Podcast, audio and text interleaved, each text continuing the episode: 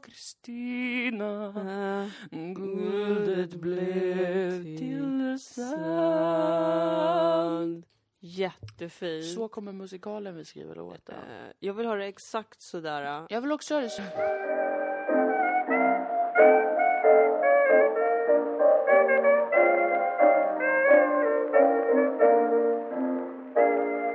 Jag bara gjorde det. Ja, du bara gjorde det. Hej och välkommen till Dilan och Moas podcast. Ja, en podcast som pratar om eh, allt mellan himmel och jord. Nej men gud, det är sant. Ja men det är så sant. Nej men gumman! Gud. Idag ska vi prata om uh, yoga meditation. Är det verkligen så bra som man tror? Uh, ja, alltså jag gick på en sån här bikram-yoga. Nej! Jo, nej men det är sant. Det var så pinsamt. Alltså det var så varmt. Jag kände bara så här. ehm, hur ska jag kunna sminka mig? Nej men alltså det rinner av mig. Nej, gumman. Ehm, Men för fan, Nej, för, för men- fan för dem. Nej, men- Fy fan för dem säger jag. jag har bara så jättemycket grejer från typ så min barndom. Som Nej, är men så det här, förstår jag. Att det så kommer upp liksom. Nej, men det förstår jag. Eh, och då känner jag bara så här: fuck off, get the Ja, fuck off Get me. the fuck, yes. Eh, rör inte mig.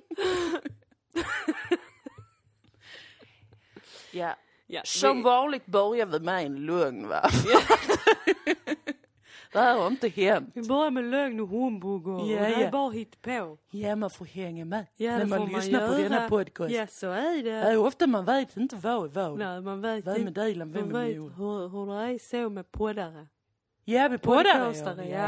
Hur de ja, är. Ja, så är de. Ja, de kommer Ja, de hit. kommer hit! Ja. Och de tar med sig alltså mikrofonen va? Och de tar våra eluttag Ja, det gör till sin de. utrustning och våra Nu ska du batterier. podda säger de. Ja. Jaha, ofta- vad ska du Ja, prata om Ja, då? vad ska du prata om? Jag vet inte, säger de. Bara snacka lite säger de. Du, då kan jag säga till dig, jag har jävla mycket jag kan prata om. Ja, ja, jag också. Men spelar jag in en podd för det? Ja, det gör jag. Ja, det gör jag. Det gör oj, oj, oj, vad trevligt det är att göra podcast. Det är den 11 november idag. Ja, eh, Den- så sent som igår tänkte jag, men gud, imorgon är det snart tio år sedan 9-11. Så du, du och datum och siffror, det är verkligen... Jag börjar tro att jag är funktionsvarierad i jag hjärnan. har trott det länge. jag har haft så mycket överseende. För att jag tänker att hon är lite varierad. Jag är lite Bara varierad. lite, lite, lite lätt Men det är min superkraft. La, la, la, la. Ehm, det slog mig nu att det alltså är den 11 11 idag. Supernumber! Ja! Ja! 11. 11. Bo- vi har ju, både du och jag har våra life path number 11. Vad det betyder, fråga inte ens. Känn. Verkligen. Upplev. Verkligen. Upplev oss bara. Det är inget konstigt. Det är spännande för att då... Men gud, det har redan varit 11.11, alltså klockan. Det var ju lite antiklimax. Det var ju det när vi var i köket där för en stund sedan om du minns. Det var det. Mm. Såg du det? Jag sa det till dig. Va? Ja. Men du skulle gå in och kolla något hos Robert då, så jag vet inte om du hörde. Ja, Det jag skulle kolla när bebisen åt senast. Precis, och då sa jag ja, 11 11. Ja. Och jag tro, trodde att du uppfattade det. Men då gjorde inte du det. Och det är väl okej liksom, man kan inte höra varandra hela tiden. I'm so sorry, I'm so sorry. 11.11, Ja. Klockan 11.11 har redan varit, den är nu 11.17. Den är nu Jävlar. 11.37 människa. Alltså, vad är det för fel på dig? Det är helt otroligt. Det Jag säger inte siffror, jag säger människor och, Alltså, och olika mig- objekt. Alltså data säger jag ju, Ja. att det är en data. Men låta dig en kopp där Ja, en jag säger allt. Ja. En kudde här i soffan Nej, vi har vår hon här. Jag säger henne också, Ja, hon jag. sover. Ja, men jag säger... Sover du? Hallå? Nej men hon pratar inte mycket. kan hon kan inte det. Varför vi får prata åt henne? Ja. Ja. Jo, så skönt jag har det, sa hon nu. Så... Nej men snälla någon. Nej men snälla nån, nu måste Nu- vi bli seriösa. måste vi skapa content. Ja, Så att, istället eh, för konst som allt hittills har varit i. fy, fem minuter. Bara varit konst. Och nu går vi över till content. Hur är läget med dig då, Moa Lundqvist? Lite svettig. Ja. Det är varmt. Ja. Jag är i Malmö. Du är i Malmö. Ja. Babysen sitter i sin lilla stol och somnar. Mm. Nu verkar det som han håller på att däcka Ja. till det här bra ljudet av två kvinnor som poddar. Han är Precis. feminist. Han är det. Så det är viktigt för honom att kvinnor också gör podcast. Jätteviktigt. Hunden sover. Ja. Alltså överlag skulle jag säga att det är bra. Det är lite tråkigt väder, va? Det, det, jag tyckte det var mysigt väder idag. Okej. Faktiskt. Det är lite mulet och sådär, men det regnar liksom inte riktigt. Nej. Det är lugnt. It's soothing.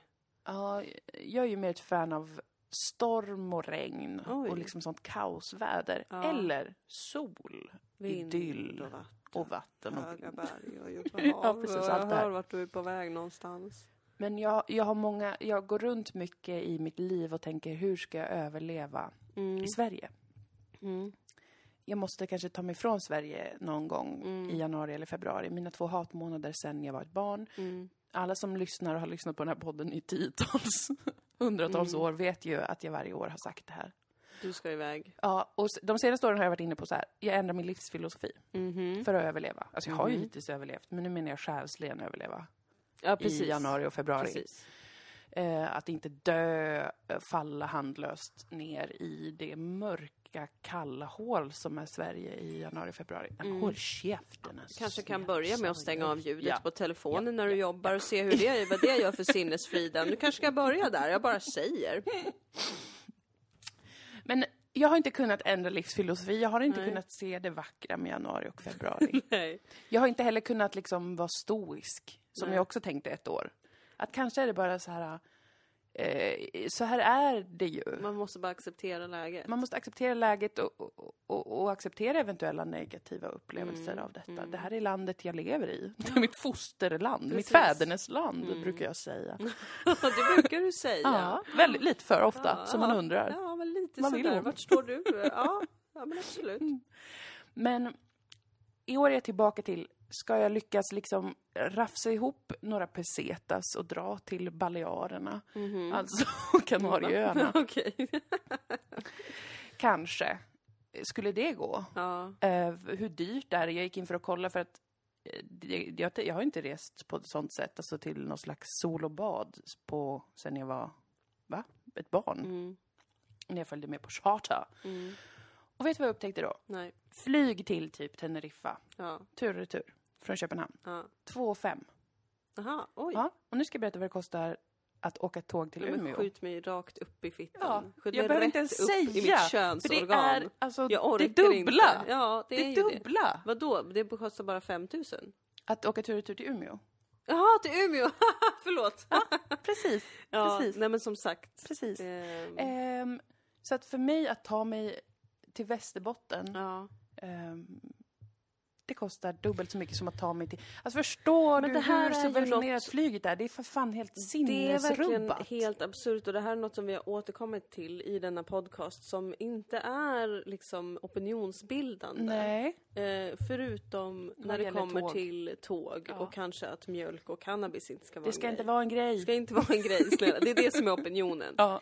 Eh, vad gäller tåg så är opinionen, vad i helvete är det för jävla fel på det här avlånga landet? Extremt avlånga landet. Eh, men också denna eh, inte så jättestora kontinent. Nej, alltså Världsdel, Europa, borde ha jättebra tågförbindelser mellan alla länder. Vi kan åka ut, det kostar? 100 spänn, allt är jättefräscht. Varför är det inte så? Jag är ursinnig. Varför har folk inte mer panik över det här? Jo, för att folk betalar väl då bara för att... Nej, för att folk flyger bara då. Man åker, man åker till Teneriffa istället för att åka till Umeå. I och för sig så vill jag ju hellre åka till Teneriffa än Umeå i februari. I och för sig. Mm. Men tänk om det hade funnits eh, tåg till kanske Sydeuropa enkelt. Då kanske jag ändå hade varit okej med att inte kunna bada och Mm. sola. u- Utan bara vara någonstans där det inte är mörkt 19 timmar av Precis, 24. man vill bara få lite D-vitamin och Ja. lite kanske kultur. Precis, att man vill Lite se själ. något annat. Man vill se en plats där man får... Jag är så ledsen att jag är besatt av det här men jag tycker verkligen att det säger någonting om Alltså rättsstaten Sverige.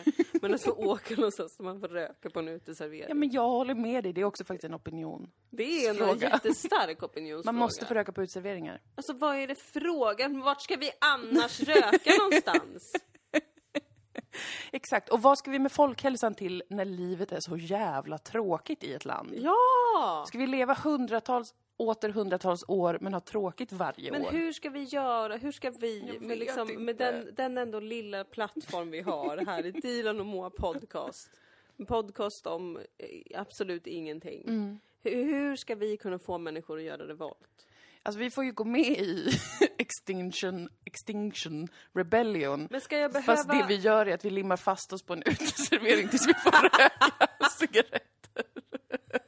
Men twist, Ja! plot twist, vi, vi kräver att det är ekologiska cigaretter. För det Ja. kan man alltså jag vet att det finns ett företag i Kapstaden tror jag det är, alltså i Sydafrika, Ja. som har börjat göra, de, de, de kämpar ju emot vind, du vet hela tobakslobbyn. Ja. De är skogstokiga, det är ett vidrigt, vidrigt, vidrigt, eh, Mm. en vidrig industri, vi, allt är hemskt med det ju. Men så kommer de här, det här lilla eh, Mm, företaget och de, de säger det är möjligt.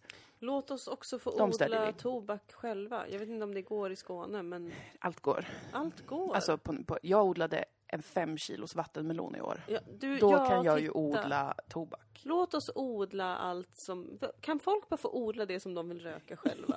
Ja. Vare sig det är tobak eller cannabis Vi eller... limmar fast oss vid en cannabisplanta och en Kamomill tobak. har jag hört att folk röker. Det är vad vi ska göra. Nej men alltså det är verkligen en skandal det här med tåget. Jag Ja. tänker på det kanske varje dag. Nej, men jag tänker också på det varje dag.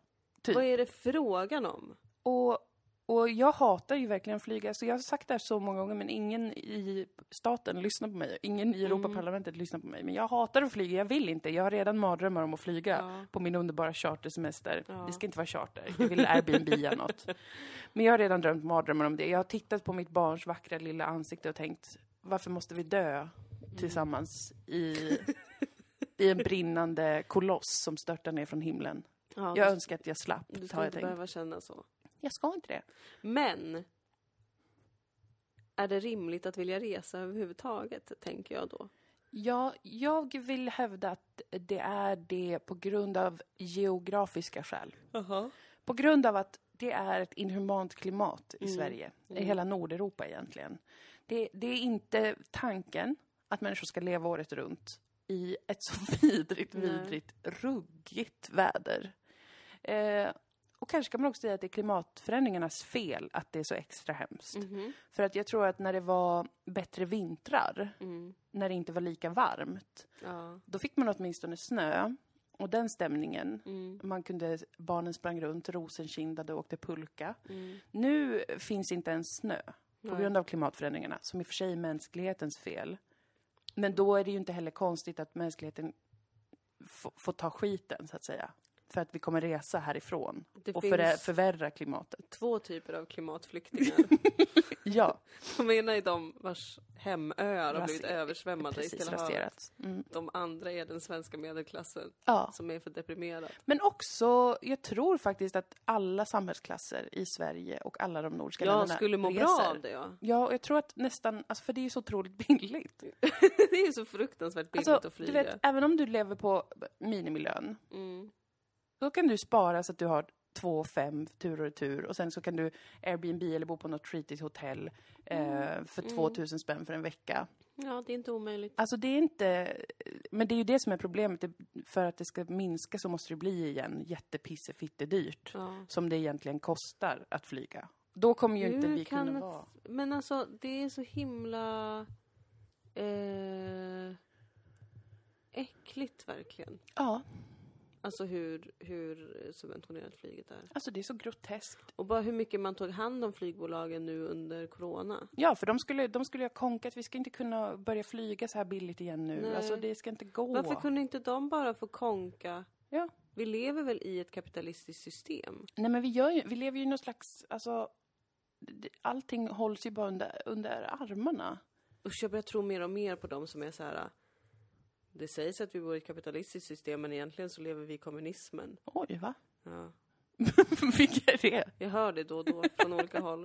Och jag börjar känna lite sen när det Ja, kommer för till att det, flyget. allting regleras ändå Ja, superhårt. det finns ingen visst. fri... Alltså det är ju inte en fri marknad Precis. någonstans. Eftersom att det räddas upp hela jävla tiden. Allting. Ja, och det, men, men, det, men det är ju väldigt tydligt vad som räddas upp. Ja, precis. Det var ju inte som att SJ fick jättemycket. Nej, det var inte precis. i nyheterna hela jävla tiden. Nej. Där kan man, hade man kunnat tänka att, S, att man skulle liksom lagt eh, 6 000 biljarder på SJ. Mm.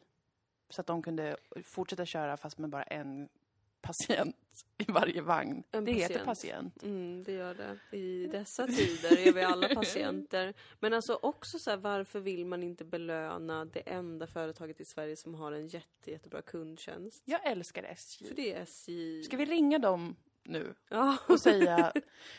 Jag hade ett problem med SJ. Mm, Och det är den här Veronica jag Maggio-låten. vet, jag vet. Jag men... blev jätteledsen. Jag kände att här har, har de suttit med sina PR-agenter uppe i Stockholm och Mm. tror att Sverige gillar Veronica Maggio.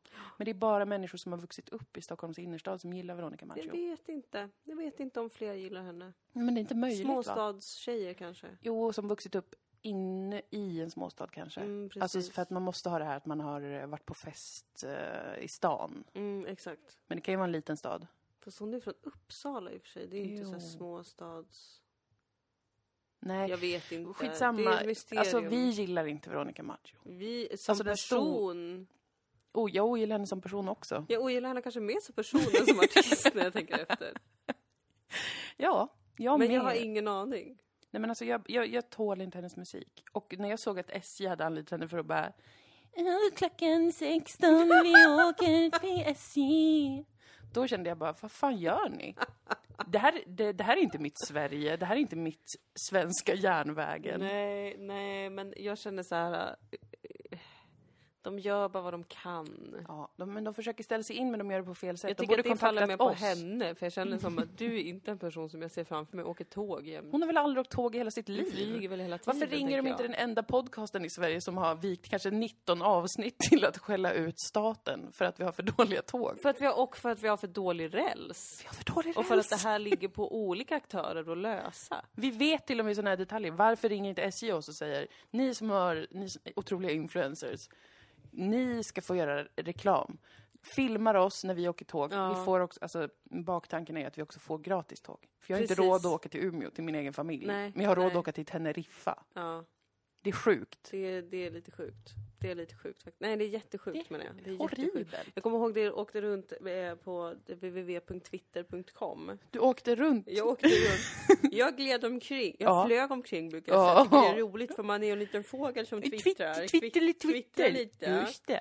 Så är det. Nej men det susade runt en tweet där, där någon hade gjort en sån jämförelse också som blev jätte, det blev jättemycket snack om det på Twitter. Gud vilken liten håla det är egentligen. Men, Mm. eh, men där det var en likadan jämförelse, typ om jag ska åka utomlands så är det tusen gånger billigare att Ja. flyga dit än att åka tåg. Alltså tåg kostar liksom typ fyrdubbelt så mycket Mm. som att flyga. Mm. Och det är verkligen helt, helt, Det kan helt inte fortsätta vara så här. Alltså, Alltså, hur kan också tåg bli en lyxgrej? nej, det är- ju inte en lyxig upplevelse direkt. Nej. Alltså, man betalar en biljard kronor och har en helt okej upplevelse. Förutom kundtjänsten som äger och De personalen på äger och SJ personalen äger. toppen. De är väldigt ofta Dilan och Moa-lyssnare. Ja, Jag har ju träffat fler än tre ja. som jobbar på SJ som Ja. har sagt att de lyssnar på Dilan och Moa. Absolut. därför älskar jag SJ ännu mer. Ja, ja. Ja, ja, men... Trevliga, vi har träffat trevliga tågvärdar i, eh, vad heter det, i eh, Öresundstågen och Pågatågen också. Det har jag verkligen också gjort. det är ett Alltså, det, är, värdigt yrke. det är ett värdigt yrke med värdiga människor som, Ja. som eh, jobbar med det. Otroligt, otroligt. Jag tänker fortfarande på en tågvärd dagligen som jag träffade på tåget. Som Ja. hade ett så trevligt samtal med. Gud, vad Han var antivaxare. Jag hade precis vaccinerat mig. Och ändå var det trevligt. Det var så trevligt. Det är mitt Sverige. Det är mitt Sverige också! Åh, om någon där ute någonsin tvivlar på vad du ska göra av ditt liv, Bli tågvärd. bli tågvärd. Och, Just det, och så kan vi, då vi får, ska stötta att de får ännu bättre eh, villkor ju också. Det var ju mycket Ja med det här. snälla ja. Såklart. Bättre Herregud. löner, bra säkerhet. Ja, fortsätta ha det trevligt. Jag vill att de ska ha Ja. det trevligt på jobbet. Eh, de tågvärdar jag är väldigt starkt emot dock Mm. är eh, sådana som är elaka mot folk som kanske gömmer sig på tåget. Ja, och det tycker jag också. Det borde inte ingå i deras jobb. Nej. Alltså en tågvärd, det är en, en, den, den ska inte behöva jobba med det. Mm. För att det blir dubbla lojaliteter. För de ska ju vara trevliga mot oss passagerare. Och då tycker jag det blir jättekonstigt när de också måste vara eh, satans advokat. Ja. Och kanske dra ut någon eh, Nej, narkoman som Ibland får försöker man åka. gömma en flykting eller en narkoman. Ja, eller de får väl ha något system då att det är någon annan som tar hand om det.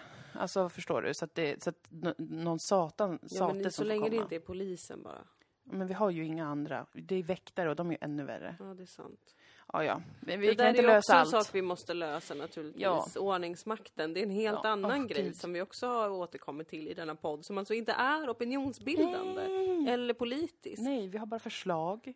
många förslag som är baserade förslag. på helt neutrala tankar utifrån Eh, den neutrala upplevelsen av att vara ja, människa. objektiva idéer och åsikter är det. Absolut, visst är det så. Mm. Men i alla fall, så vi får se om jag kommer resa någonstans. Jag, jag har knappt råd, Mm. men jag tror jag skulle ha råd med det. Men alltså Mm. inte att åka norrut. Vi kanske, om du är för rädd för att flyga till Teneriffa eller vart fan Mm. du ska ta vägen. Mm.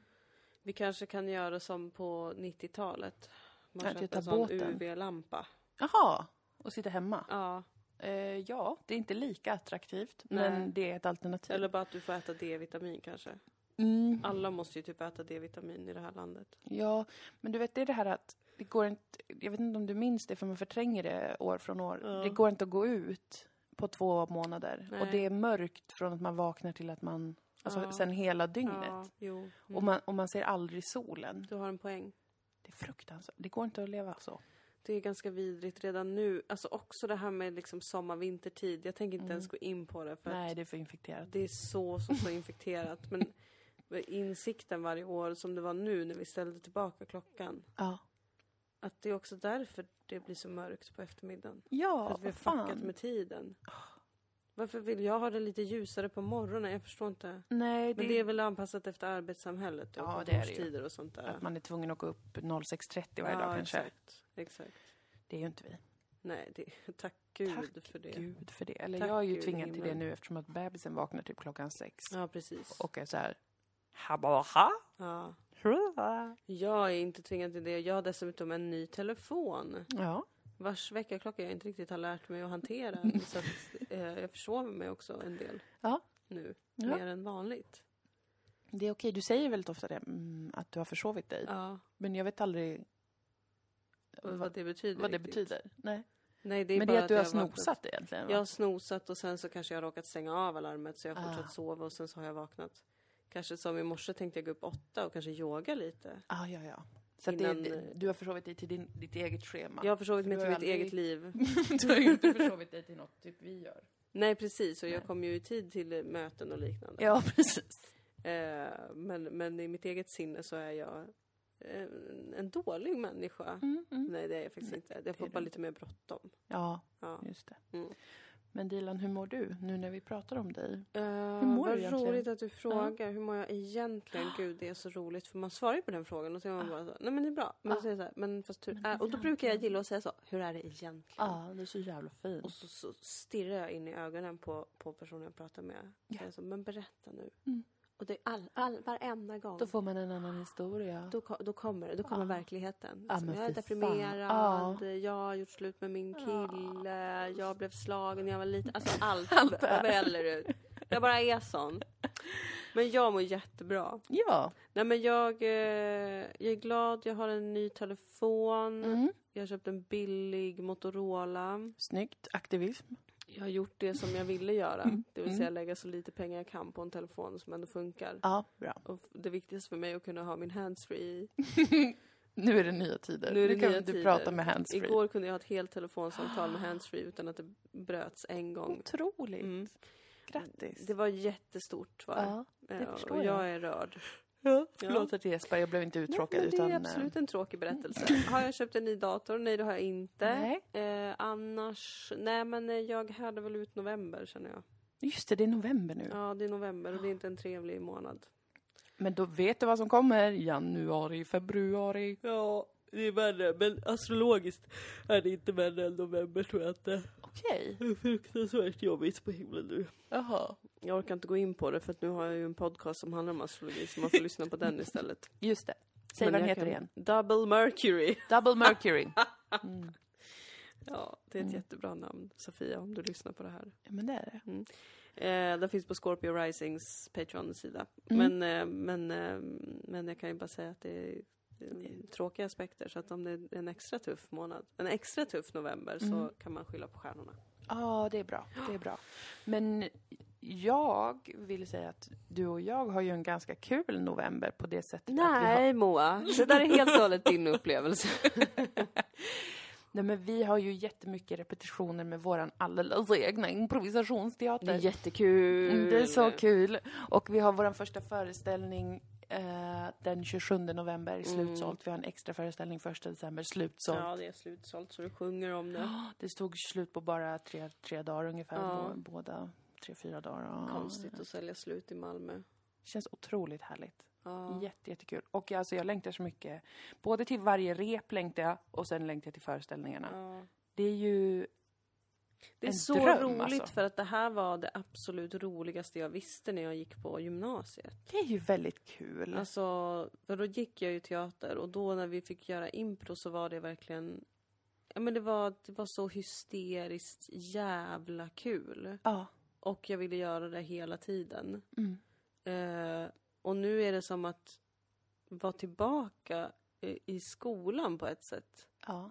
Utan här- att det är hemskt. Utan att det är hemskt, För det är att man har äckliga lärare. Jag hade inte äckliga lärare, jag hade jättebra lärare.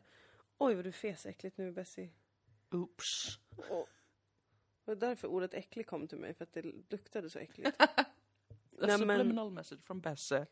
Men det är liksom lite samma, att man är så här tillbaka i typ en blackbox och Ja. bara får leka runt. Alltså det det och lägga något... tid på det, alltså flera dagar i veckan. Ja.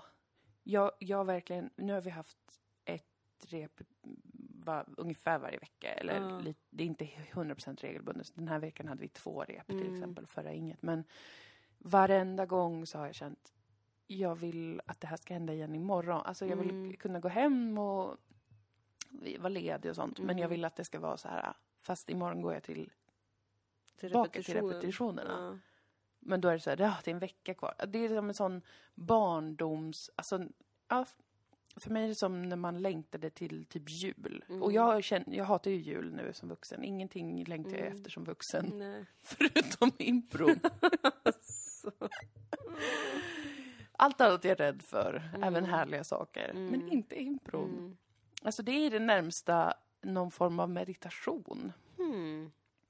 Alltså för att det är ju hela tiden, jag tänkte på det, det är ju hela tiden, och det har vi pratat om också, men det är liksom alla övningar kräver någon form av total närvaro. Mm. Och även då när man inte kan vara helt närvarande för att man är blockerad eller man tänker jättemycket på hur man framstår eller någonting Mm. sånt. så- Eller man har dåligt självförtroende den dagen och så.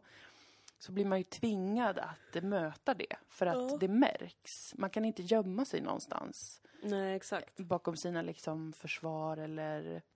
Och på det sättet så blir man också inte lämnad i fred. Man blir inte lämnad ensam med sina Mm. eh, jobbiga liksom blockeringar. Mm. Om man har en trygg grupp och sådär, vilket jag ändå tycker vi har, även om den är helt ny. Mm. Och det, det är typ meditativt, Mm. tycker jag.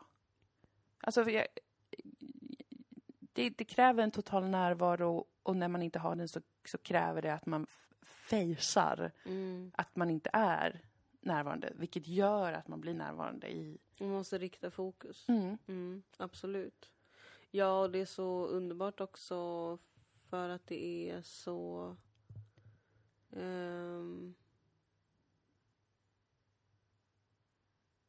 bara det här att man blir konfronterad med hur mycket man tänker på saker, analyserar saker Mm. och planerar saker och försöker kontrollera saker. Mm. Det är också något som vi pratar mycket om i podden, att här, kunna släppa kontrollen över vissa grejer och leva i ovisshet på ett mer själsligt plan. Ja. Men där blir det också rent kreativt och i stunden så himla mycket släpp kontrollen. Ja. Ja. Och hur lätt det är att... ehm, eller hur snabbt det går till att släppa sådana grejer. Alltså jag tänker när man inte har hållit på med impro på ett tag Ja. och kommer tillbaka till det. Ja. Man märker hur jävla mycket nya blockeringar man har satt upp för sig själv. Och Mm. hur många nya sätt man försöker kontrollera situationer på. Och sådär. Det är så fascinerande. Mm. Det är så jä... verkligen att man bara mm, kommer på medan man gör det att så här, just det, nu, nu har jag tänkt ut hur den här scenen ska Mm. vara eller vad, jag har tänkt ut vad jag ska säga Mm. eller var, hur jag ska börja. Och så fort man är inne i den, i det sättet att tänka, då, Mm. då blockeras scenen från att bli så bra som den kan vara. Mm. För man plockar inte upp på andra signaler, impulser, utan man så bara, nu ska jag, just det, nu ska jag vara en rolig sjökapten, Mm. typ. Eller vad fan man nu har tänkt. Mm. Och så, då blir det inte kul. Alltså det är så himla knäppt. Det är så jävla fascinerande med impro. Jag älskar det. Gud vad speciellt det ska bli att ha en publik igen. Ja. Fy fan vad kul. Det... Ja, jag, tappade ord. Nej, jag man började blir tänka. mållös av Ja. konsten. Ja. Du började tänka och planera och det är precis det du inte ska göra. Ja, då gick det riktigt jävla dåligt. Jag, har tänkt en del på energi, inte energier utan energi som ju känner sig pigg eller trött. Mm. Nu eftersom att jag i snart fyra månader har varit vaken varje natt Mm. eh, minst två gånger. Mm. Och innan jag fick barn så sov jag ju jättemycket. Mm. Men det betyder ju inte alltid att jag var pigg Nej. på dagarna. Ehm, och nu har jag blivit tvungen att tänka ännu mer på det för att försöka hejda någon form av eh, stark ångest över sömnbrist. Mm. Så har jag tänkt, vad är det jag, jag vill då? Mm. Alltså, vad är det jag vill ha? Och då har det varit ganska tydligt för mig ändå att det jag vill är att känna mig med i Mm, huvudet. mm. Och att det egentligen inte känns så himla farligt att vara lite trött. Nej. Men det känns läskigt att vara borta. Alltså Mm. att vara inte, inte närvarande eller inte kunna hänga med i sitt eget liv, typ. Eller bara i vardagen. Och då har jag även tänkt på... Oj, bebisen började stirra på mig, men typ i sömnen. Somna om! Jag får inte hålla Tack. på sådär. Jag kollade på skräckfilmer igår. Blir Bara jätterädd. öppna ögonen så. Nej, men då, va, med inbron. mm. Då upplever jag det verkligen som att efteråt så, så infinner sig nästan, alltså efter en rep- repetition så infinner sig som en trötthet. Mm. Men efter att man kanske har då inte, alltså man har pausat, man har ätit, man har gjort något annat en stund, så har jag fått energi. Mm. Och det en energi som, som jag upplever som en pigghet. Som en, liksom en skärpa Mm. i huvudet. Mm. Och innan repetitioner så är det väldigt ofta så här, uh, lulligt, det känns lite lulligt och man kanske är trött. Och även under repetitionerna ganska ofta att man bara shit, vad håller jag på med typ? Eller eh, känner sig lite Mm. d- dålig. Mm. Att den här energin kommer efteråt. Det har jag observerat. Det har varit nästan varje gång. Mm. Så jag har blivit pigg. Men det måste ju bero på det, att man... eh, Alltså, jag tänker att det är ett, beror på ett riktat fokus. Att det är samma Ja. som med... Ursäkta mig Robert. Kan du stänga dörren där? Tack snälla du. Killar. Killar alltså. Ja, de är som de vart. Nej men... ehm, jag tänker att det är eh, för att man riktar fokus på samma sätt som eh, typ med träning eller med så här, eh, samma med yoga typ. Ja. Att eh, där kan jag uppleva att jag kan gå in i det och vara väldigt trött och så gör jag det och så kommer jag ut med en annan energi som är så här, hur fan hände det här? Jo, Mm. men kanske för att jag typ verkligen samlade tankarna och riktade dem tydligt åt ett håll. Mm, och bröt någon liksom loop som man kanske Ja. har sen innan. Och hade en ny liten loop. Mm. Och så var man i det fokuset då. Ja. För det är så jävla... Jag, Och det är energigivande av något. Men det, kan, det, det är spännande för att det är ju både att man går ut från kanske en repetition med eh, energi Mm. samtidigt som man ju eh, kan känna sig väldigt urlakad. Alltså Ja. det är båda känslorna. Det är både så här, nu är jag så jävla trött och jag kan inte komma på någonting men jag är Mm. också typ pigg och skärpt på något Mm. konstigt sätt. visst är det märkligt? För Mm. att det, det är... Precis, man orkar ju inte, man orkar verkligen inte hålla på med repetitioner långa perioder i sträck. Man måste liksom ha pauser och för att man är så himla, himla inne i det när man håller på. Mm. Och man blir urlakad eller dränerad på ett plan. Men det är inte den där obehagliga känslan av trötthet. Nej. Så som när man har sovit tio timmar och ändå inte känner sig pigg. Det är Exakt. ju den, den tycker jag är så stressig. Det är mer en känslan. fysisk trötthet. Ja, fast hjärnfysiskt. Ja, Alltså som att hjärnan har tränat. ja. Det har den väl också? Det har på den något väl. sätt. Alltså man, eh, det, det tar ju energi att eh, öppna upp associationer, olika nya, Ja. antar jag, synapser som kommunicerar med varandra. Visst. Man öppnar upp för, för nya grejer och det Ja. tar. Men på tar. ett härligt sätt. Det är ju de föreställningarna man också kanske är mest utpumpad efter Ja. är ju improvisationsföreställningar. ja. På ett positivt sätt igen. Alltså när vi har skrivna föreställningar så kan jag efteråt ibland vara totalt utpumpad och slutkörd. Men det är för att det typ gick dåligt eller jag kände mig Mm. skit eller har en dålig dag eller whatever. Mm. Men med impro så är det alltid för att det har gått åt så mycket energi bara. Ja, verkligen. Precis. Det, ja, det, det är så jävla spännande. Det är det mest intressanta, alltså kreativt och Mm. eh, psykologiskt som jag någonsin har stött på. I'm blown away. I am blown away och eh, jag, jag först, alltså jag, du vet, det finns ju en sån här, kanske, eller jag hade en sån bild av improvisatör, improvisation, att det alltid var så här folk i typ klar eh, röda och gröna tröjor som skrikskrattar och har en Mm. hatt och springer ut och, och bara nu ska vi leka tramsa! Mm. Och det har ju alltid varit min mardröm. Mm. Men eh, sjukt nog har jag börjat förstå den energin. Mm. Alltså för att det finns en sån oerhörd längtan till liksom nu och att vilja få med folk på att bara, bara här, släpp, jag Mm. lovar det är lugnt, Mm. släpp det här nu, släpp Mm. liksom den här känslan av att det är pinsamt eller det är liksom stelt och, och lite obekvämt att vi ska improvisera eller sådär. Jag börjar liksom förstå den. Alltså jag kommer aldrig bli sån, jag kommer aldrig ha det uttrycket. Men jag har börjat verkligen känna, jag längtar också efter det så himla mycket. Gud, jag ser framför mig hur du springer ut på scen klädd som typ en så här äh, amerikansk tomte-Alf. Va? Som tomtenisse. Snyggt! My new style. Mm. Nej, jag kommer aldrig ha den. Gumman, jag kommer aldrig vara den liksom.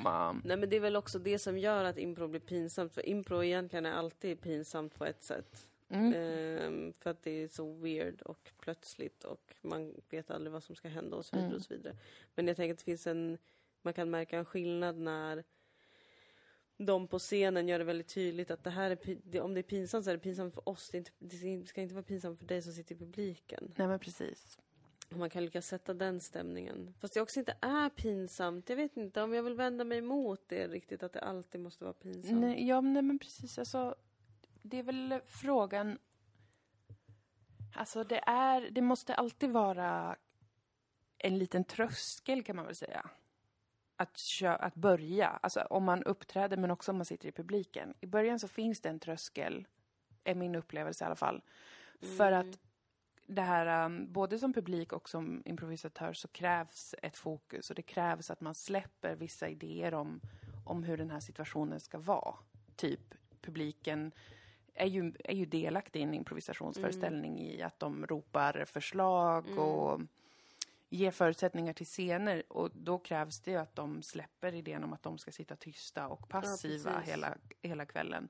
De är ju involverade, men ofta så när man är i publiken tänker man man har en förutfattad mening om att det Mm. innebär att man ska sitta i mörkret, inte synas, inte höras. Ja, precis. Det Att finns en kanske- tröskel Det, absolut, och det kan kännas pinsamt. Och det kan ju kännas pinsamt som skådespelare också att liksom eh, gå ut i olika extremer och göra karaktärer och allt sånt. Ja. Men eh, jag tänker att det som, det måste få finnas. Mm. Jag tror att det som man ofta kallar pinsamt, som jag vet när jag har pratat med folk eller pratat själv om eh, improvisation, att det kan bli så skämmigt. Det är ju egentligen, tror jag, när eh, det är vid sidan av känslan av att den egna känslan man har att det är lite pinsamt att höras och Mm. synas. Mm. Det är ju när egentligen tror jag att de som är på scenen faktiskt inte genuint bejakar varandra som Mm. man måste inom improvisation. Mm. Jag tror att det alltid blir pajig impro för att folk går in och har bestämt för mycket vad de ska göra på scenen. Ja. De går för mycket på sin egen linje. Mm. Hittar någonting som man själv som skådespelare kanske tycker är en jätterolig karaktär men den krockar jättemycket med sin medspelare. ja. Och ja, då det är blir sant. det Då är det fan skämmigt. Och det, att det blir verkligen- stelt bara. Mm. Det blir stelt. Man känner direkt att det är... Jag, jag har sett några improföreställningar där, där det har uppstått. Mm. En gång när jag var i London, en gång när jag var i. New York. Ah. Oj då, oj då. Flög du dit eller? Um, nej, jag cyklade. Ja, vad bra. Det här med Extinction Rebellion.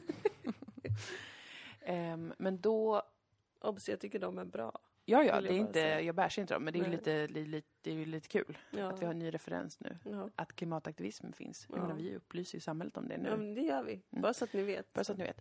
Men då var, då, då var det ju, det är mest killar då som jag har sett. Jag tror att det är övervägande faktiskt. Alltså Mm. killar som håller på. Eller en majoritet faktiskt. Konstigt, jag Jag tycker impro det- känns så tjejigt, men det kanske är för att vi bara har imprat Det är för att vi bara, ja precis, precis. Jag tror att eh, det är ganska vanligt att det är mest killar. Mm. Och då har det också varit så himla tydligt eh, att eh, det är vissa då doodlios som kör sitt eget race verkligen. Som, Mm. som, eh, där det krockar och då Även om den personen kanske säger något jättekul och man fattar att ja, du är rolig och smart Mm. så blir det lite pinig stämning.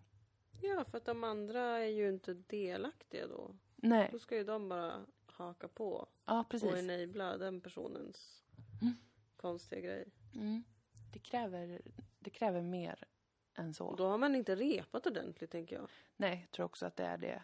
Om Eller att man är tror- otrygg i gruppen. Alltså att Ja, gruppen består av, eh, av folk som inte riktigt känner varandra. Och så, när jag gick impro på någon sån här eh, amatörimpro-grej i Stockholm. Mm. Det har jag ju berättat om som ett trauma. Jag Mm. testade ju två olika, en på universitetet och en på någon sån här teater. Mm.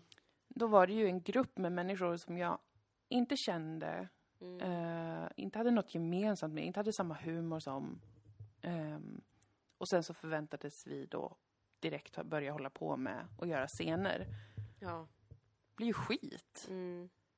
Mm. Ja, det funkar inte. Mm, nej. Det är så mycket som, som är beroende av att man som grupp har en eh, dynamik. Mm. Eller alla de som är med på scenen är trygga med varandra och vet att vi kan hjälpa varandra. Mm. Och också typ att man har samma humor. För jag kan inte föreställa mig hur riktigt jag skulle göra bra impro med människor som har, du vet, helt annan humor än mig. Nej. Som, som tycker att någonting helt annat är kul. Det, Det, tycker jag också hänt. Jag har upplevt det ibland när jag kört impro Mm, i mina dagar. Ehm, Hur har det varit? det har faktiskt varit svårt. Mm, Eller det har ju gått att göra, alltså man gör det ju. mm. Eh, men eh, det, det är ju såklart inte lika roligt. Nej. bara, det är inte så komplicerat. Det Nej. är bara inte lika kul att göra. Precis, det, det låter ju väldigt självklart när man säger det, men min upplevelse har varit att det förväntas att det ska bli liksom kul och hålla igång, även fast gruppen inte Mm. känner varandra. Typ. Och jag kan heller inte hjälpa till att göra den personen roligare, för jag förstår ju heller inte den. Alltså, Nej, det nej, är inte bara precis. för mig som det blir tråkigt, utan det är också för den som går på en impuls Mm. som jag inte kan sätta upp fullt ut, Mm. för att jag fattar inte. Nej, vad är skämtet? Ja, What's the funny story? precis. Ja, men det kanske också bara är en sån, när man är ett riktigt proffs, då kan man impra med vem fan som helst, så det blir bra ändå. Jag vet inte, jag tror typ inte det. Nej, kanske inte. Man kanske måste underkasta sig dynamikens makt. Jag tror det. Jag tror, det är en så pass social happening, Ja, impro, ja. som, är, alltså, som vibrerar på alla plan. Ja. Känslomässigt, relationellt, Mm, mm, socialt, på alla olika sätt. Så finns det, en, finns det en, en, liksom en anspänning, en, en känsla av att man är orolig. Typ, kommer den här hjälpa mig på scenen? Mm. Eller typ, kommer den bara försöka göra sitt skämt? Så tror jag att man kan vara hur bra som helst, men man ändå bara hamnar i att antingen bara stötta upp Mm. den andra eller att bara driva jättehårt själv så, Ja. att, det, så att det ändå inte blir dynamiska scener. Jag tror det, jag tror det, men jag kan, inte- jag kan inte garantera Du något. kan ju inte svära på det, och det Nej. kan ju ingen Nej, göra. men det kan ingen göra! Herregud! Herregud, snälla. Herregud. Det enda vi vet är att vi ingenting vet. Så jävla smart. Vad är det du som har kommit på det? Det, Citatet? jag kom, det kom till mig bara nu alltså. Det har liksom som en blick från klar himmel. Det eller? kändes bara så rätt att säga. det var det också. Alltså, det, jag är ju lite klärvoajant. Du är det, vad roligt. Det är inget jag brukar skryta om. Men du ser då spöken och annat alltså, som finns dem, här de runt är- omkring oss. är det är några här. De är här nu, ja, Det alltså? är inte jättemånga. Helvete. Ja, det är två, tre stycken. Fem. Fem. Jag är också klärvoajant. Ja, ja vad roligt! Ja, jag ser de här två i Ja, hörnet du också. ser, eh, ja men titta, jag kollar inte bak, där är de. Jätteroligt. Jag ser djurspöken också så att det är ju några stycken Oj då. här. Det gör inte jag. Nej, du gör inte det. nej, nej. Fågelspöken också. Ja, Ja, ja, ja. okej. Tusen miljoner. Säger växt, växtspöken också. Oj. Ja, att, eh, Ja, det gör ju inte jag. så att det, nej, det gör du inte. Kul med klärvoajanter som försöker trumfa varandra.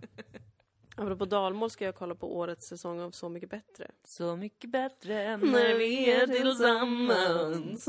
Så mycket bättre för oss allesammans. Vore ganska kul att göra ett impro-game av det. Ja, faktiskt. Det kan man nog absolut göra.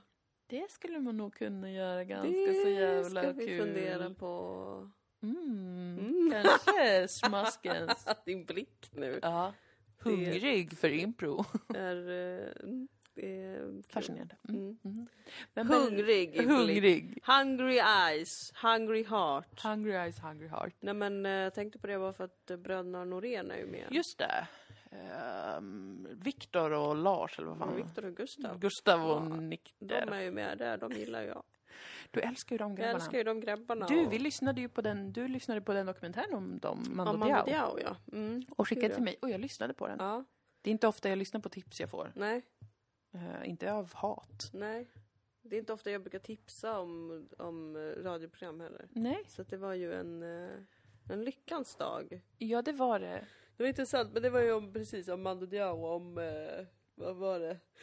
Det var på Sveriges Radio Play. I- Det var P1 dokumentär tror jag till och med. Eh, det så var. kan det ha varit. Mm. Eller om det var, precis, någon dokumentär. Eh, den har några år på nacken. Jaha, jag tror det var ny. Nej, Den kom från tw- 2018 tror jag.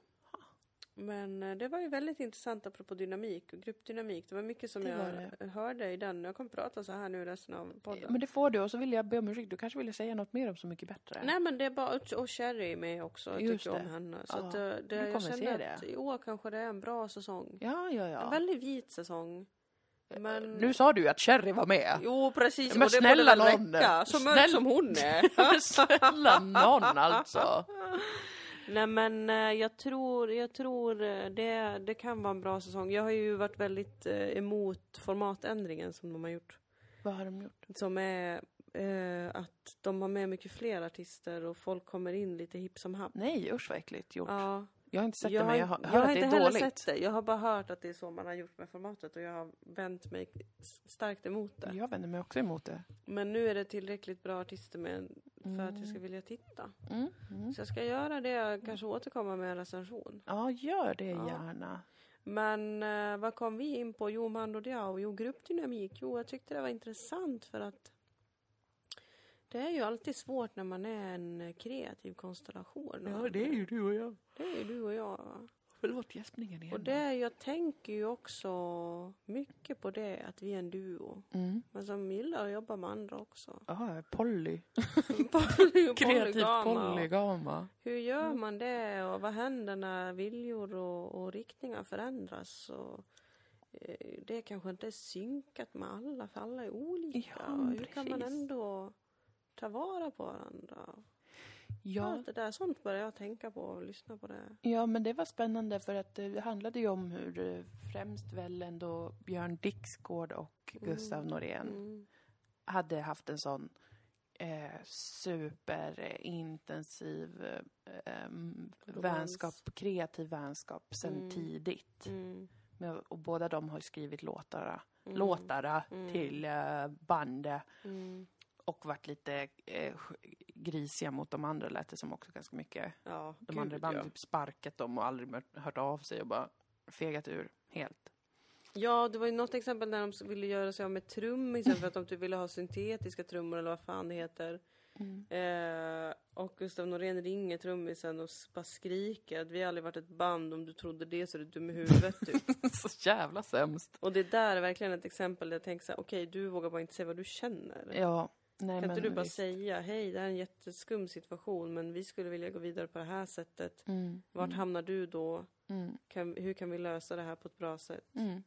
Och precis, eller typ, det här kanske inte går att lösa på ett bra sätt. Nej.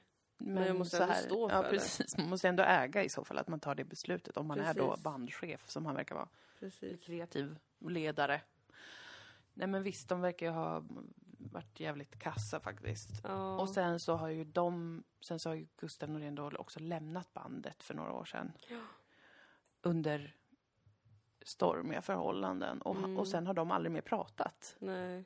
Björn Dixgård och Gustav Norén. Och så sa ju han, Björn, Mhm.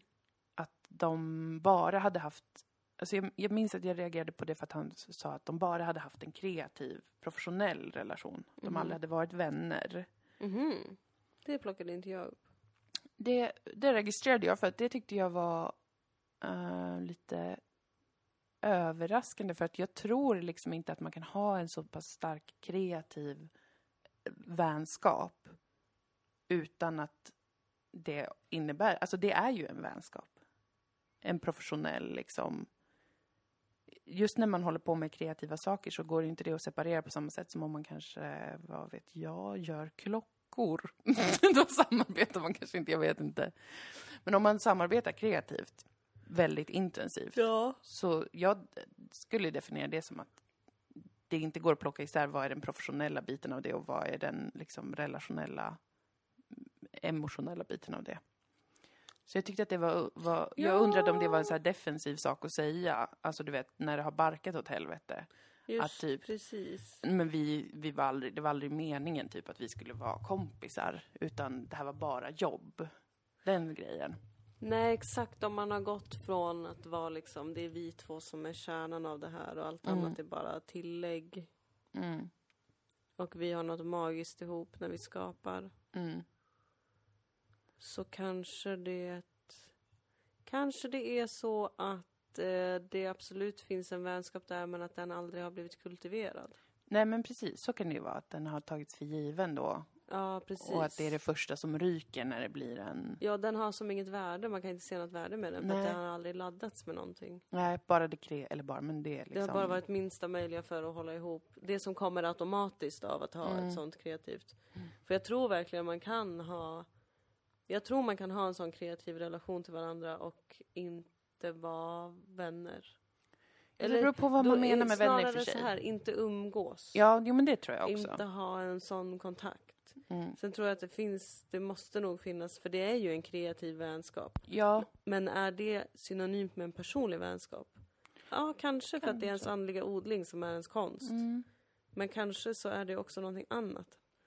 ja. Att det bara är den minsta, minsta möjliga vänskapsnivån på något sätt. Mm. Och så länge man inte har boostat den med att också typ eh, inte bara vara i studion tillsammans utan också kanske äta middag ihop ibland och prata om hur man mår. Mm.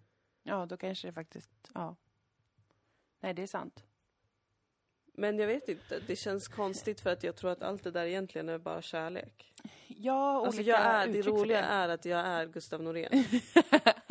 Fast jag hoppas att jag är, lite mer, att jag ändå strävar efter att göra, eh, att vara lite mer, jag vet inte, inte spritt språngande galen. Nej, alltid. nej, men det är du inte. Men för det är ju kärlek. Ja, Alltså det du beskriver när man har den kontakten är ju bara ren kärlek. ja men det är ju det. Och det är ju faktiskt jättekonstigt att bara vända sig Ja, men det känns som en sårad människa Alltså när det är som- på den som- nivån, det här handlar inte om någon som man bara har så här, men vi jobbade ihop ett tag och det gick bra och vi klickade och sådär. Nej, De har ju känt, känt, känt varandra i 15 år, 20 15-20 år. år. Ja. Ja. Ja. nej, men precis. Då, då, Det, det finns ju en relation där, oavsett vad man vill kalla den relationen så är det någon typ av kärlek som, som har bara mm, lämnats. mm. Det måste vara jättemärkligt. Ja, jag tyckte att det var Jag undrar om de har träffats sen dess. sen dokumentären kom. Mm. Men kanske ska man heller inte det. Alltså vissa saker, Nej. det där var också en sak som jag tänkte jättemycket på när jag lyssnade på dem. Att, för jag har ju varit ett jättefan av Mando Diao. Mm. Fastän jag än idag inte förstår en enda låttext de har skrivit. alltså, det, är jättekonstigt. Ehm,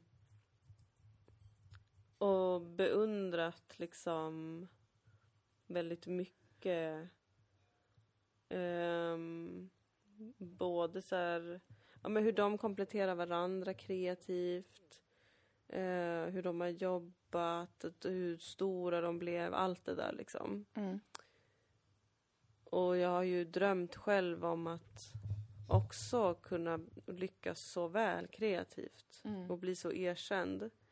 Mm. Men jag vill inte liksom explodera på det sättet. Nej, de alltså jag började verkligen snabbt, tänka på så här hur, och, eh, måste man för att bli så framgångsrik kreativt, måste man vara så eh, drastisk?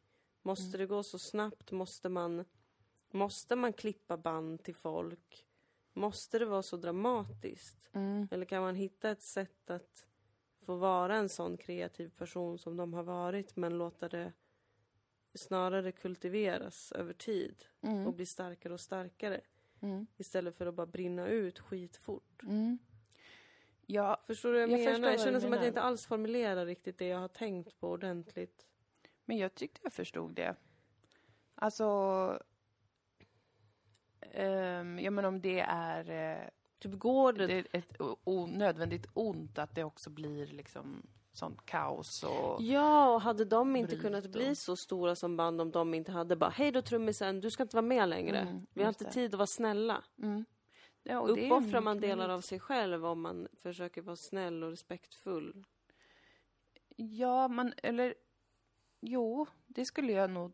Inte kanske av sig själv, men jag tror att det finns en... Eh, alltså det finns en uträknad eh, form och en mall som gör att vissa då liksom band eller personer blir så pass kända så pass snabbt. Mm. Eh, och det har mer att göra med ekonomiska intressen och hur hela maskineriet fungerar. Musikindustrin, eller i vårt fall med liksom humor. Där har det också funnits där, de som blir superkända jättesnabbt eh, och sen då blir utbrända. Mm. Eh, men då är de ju solokvist, så då blir det inte den Mm. där bandgrejen Nej, riktigt. precis. Men, men samma liksom mekanismer att det är någon som blir, det blir super, super, super känd och är överallt och bla, bla, bla och sen kraschar det Mm. och, och så är det så här, åh nej, jag var utbränd och försvann i tio år typ. Mm.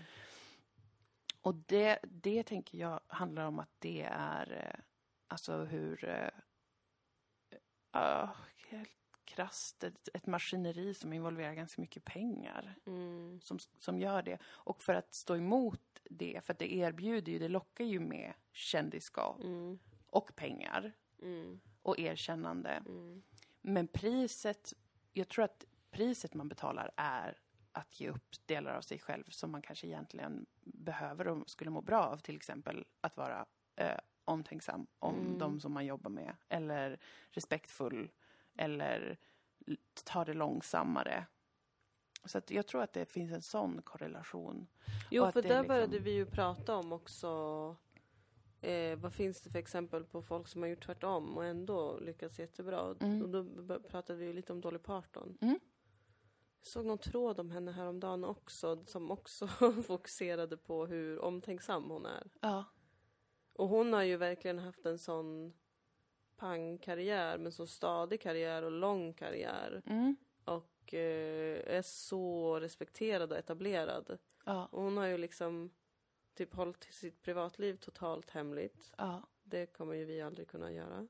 Nej, vi jobbar med Eh, något annat än Ja, så är det ju. Men också Mm. liksom bara, bara du vet har jobbat fint och bra med folk. Mm. Mm. Ja, visst. Jag tänkte också på eh, Magnetic Fields, mitt favoritband. Ja. Det har ju varit lite olika konstellationer över åren. Den, den skaparen, Steven Merritt, han har varit med hela tiden. Mm. Han är ju superintrovert med en hörselskada. Mm. Alltså, jag har sett dem live två gånger. Mm. Jag älskar honom så mycket. Han, han kan typ inte stå på scenen. Alltså han, han har ingen karisma.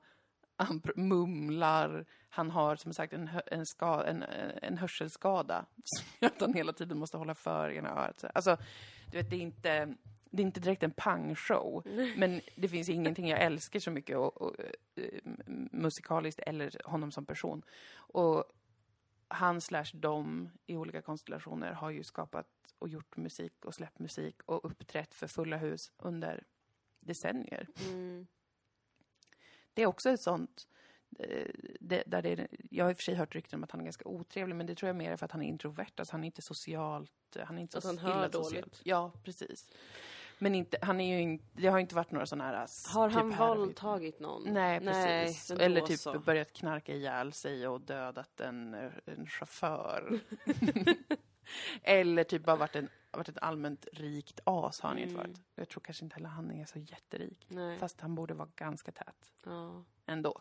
Men ja, men det finns, det finns ju exempel, om man tänker på det, där det har gått till på andra sätt. Och där det, det här långsiktiga, hållbara känns ju mycket mer gynnande kreativt, Mm. tänker jag. Sen kanske inte gynnar en lika mycket ekonomiskt och inte heller i bekräftelse, erkännande från omvärlden. Eh, med, med Dolly Parton har det ju ändå det. Absolut. Men, hon- men, men liksom, annars tänker jag att, eh, som sagt, att det lite, går kanske hand i hand att långsammare och mer eh, liksom genomarbetat och mer fokus på hur man jobbar och sådär. Kanske genererar lite mindre pang Mm. for the buck. Mm. Så. Men det att min dröm skulle ju vara det. Att få, få, få ha de värdena kvar. Mm. Alltid. Men att kunna få arbeta kreativt alltid. Och länge.